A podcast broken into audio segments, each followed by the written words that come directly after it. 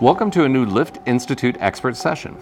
In this podcast series, experts from all around the world share their knowledge, experience, and views on different vertical transportation subjects. Today we have Elena Mauro. She's Functional Safety Certification Specialist at Lift Institute, and we're going to discuss elevators and cybersecurity. Very exciting. Welcome, Elena. Thank you. Yes. So I understand elevators used to be purely mechanical in their operation, and then over time they became uh, electrical and uh, relied more on circuitry and so forth. Uh, but they were still disconnected from the internet, and now that's more common. Uh, what dangers does that introduce? Yes, uh, the type of dangers and the, the threats that int- introduced are on the news, uh, the newspaper for who follows the news. I Yeah. mean, it's only last year that the uh, Pentagon was hacked Uh-huh. and uh, the uh, Department of uh, Homeland Security and big companies such uh, Microsoft or Sure. yes, and uh, uh, uh, Cisco. Mm-hmm. And uh, so uh, the type of threats have to do with the unwanted or unauthorized uh, access into your operations, into Uh-huh. your network. Sure. So once inside, a criminal can do a number of things. Mm-hmm. One thing he can do is just look around, uh, uh, listen, uh, see, w- watch things. Okay. Depends al- also what kind of hacker you are dealing with. Okay. Uh, second thing that he can do, he can steal. He can steal data. He can steal uh, intellectual properties and look how the lift is done and how it operates, the software. Interesting. It can also cause disruption to your operations by, for example, causing denial of service. Mm-hmm. Another thing that he can do is hijack your hijack your uh, uh, device, uh, Uh-huh. the lift, and The then lift release itself. it release it only after you pay a ransom. This has happened also in uh, hospitals, for example. Uh, we know.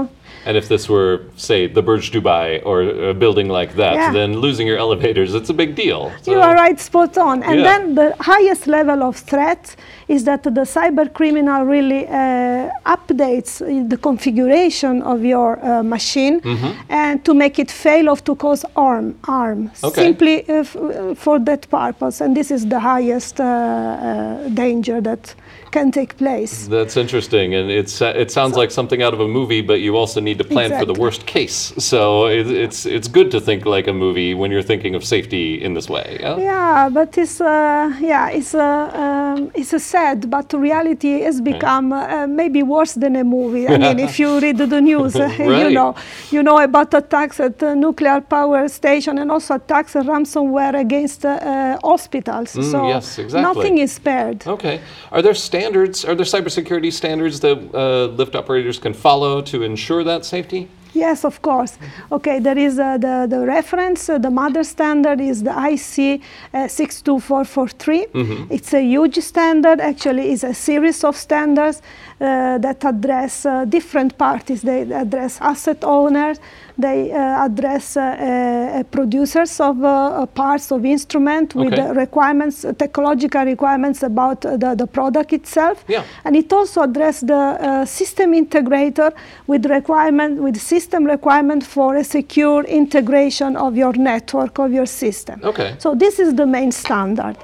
But uh, oh, No, go on. I was going to ask what the developments are. Like, is it evolving over time? Of course, it's to- evolving yeah. over time. Yes. And not only that, uh, it's not only the uh, international committees that are busy uh, Mm-hmm. writing standards, but also the, the trade associations Mm-hmm. for lift. Uh, for lifts are coming uh, out with the uh, best practices and guidelines to aid uh, Okay. uh, uh, the manufacturer and also maintenance companies when dealing with the security of lifts.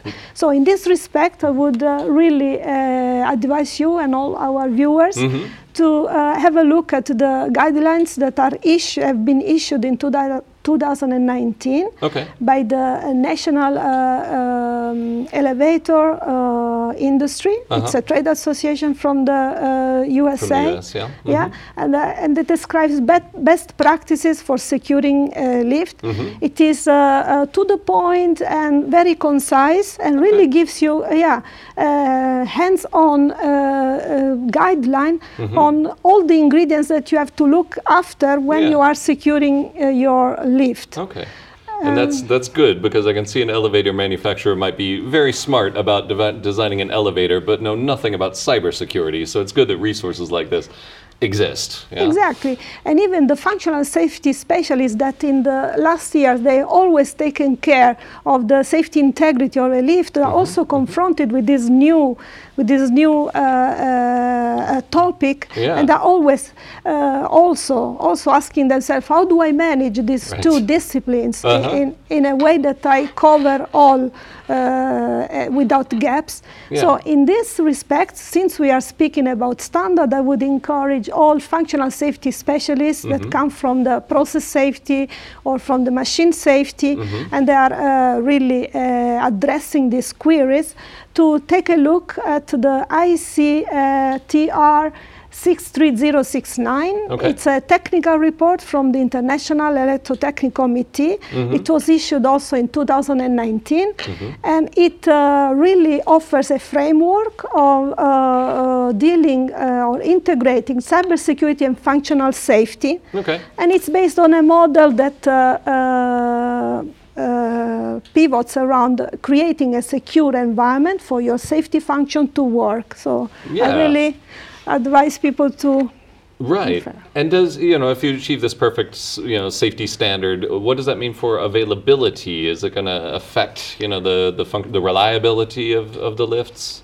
Uh, yeah, uh, th- th- th- th- these are very technical questions. I mean, Yeah. that's why you need a framework to, to deal uh, uh, with, with these two disciplines. Right. In general, in general, every time you increase the uh, safety, or in this case, the security, Mm-hmm. every time you increase the safety of a, of a product, you are decreasing the availability. Yeah. So I want to make a very simple example for you. Mm-hmm. If you are uh, on your bike and you are uh, riding, and you want to be very, you are scared, you want to be very safe, and you are going to brake. Mm-hmm. Yes. Every time you see a bird uh, flying or you hear a strange noise, you will never arrive. You will not make it, Mm-hmm. It right? sounds like how I ride my bike. Yes. Yeah, maybe. but so the more, if if you want to be 100% safe, you don't have to move and do anything. So. Safety and, and uh, availability of these jigsaw Yeah, uh, yeah. dynamics. Mhm. The higher is one, the lower is the, not, uh, the other one. And in order to reach both safety availability, you have to find a good compromise Right. or or you have to have some technique that uh, uh, guarantee you both of them but as you can imagine nothing is free uh, in yeah, this world Uh, they are very expensive Right. You have So- to lose in some other way by paying more or what have you. How would you compare what's going on with lifts and cybersecurity with, for example, the automotive industry or the process industry? You know, are we are we behind those sorts of industries or, or what? So, in general, the uh, elevator sector has always been lagging behind with respect to this innovation, the connectivity to, to the network. And why? Because the, the design has always been uh, stable. And in, uh, in engineering, this is this golden rule that proven design is not easily updated. I mean, when the design is stable and fulfills all the requirements of the users Sure. and of the law, you don't really easily go and, and innovate it. Absolutely, So yeah. that's why the, the elevator world has been a little bit uh, um, separated from all this uh, connectivity and digitalization uh, uh, trends of Yeah. the market. But from the automotive uh, sector, the lift sector has learned a lot of lessons learned, namely that when you uh, uh, connect all these devices to the internet, you can do a lot of things. First of all, you can build predictive model, models for maintenance. So by uh, collecting data from many many machines uh, and uh, you can learn trends and the machines can uh, at a certain point diagnose themselves and learn when they are about to to, uh, to need repair Yeah. So uh, then they can call for assistance, and at the end, really the downtime or the availability for the user increases, Okay. and also the cost for the maintenance company to to do preemptive maintenance also decrease. Right. So this is a lot of uh, gain. Yeah, so uh, my, my obvious question was if we're behind the automotive industry, then why are we trying to do what the cars do, you know, with the connectedness? But it sounds like there are benefits as well. There are benefits for all parties, for the manufacturers, above all for the uh, maintenance uh, company and for the users because they have elevators that have a, a higher uptime. That makes sense. Okay. Well, fantastic. Well, we are glad that you are out there doing this sort of work and keeping the elevators safe, even as they evolve in this way. So thank you for that, and thank you for being with us here today. Thank Ellen. you, Kevin. Yeah. It was a pleasure. Yeah. And thank you for listening to this Lift Institute expert session. You can find more editions of our expert sessions in your favorite podcast app. Talk to you soon.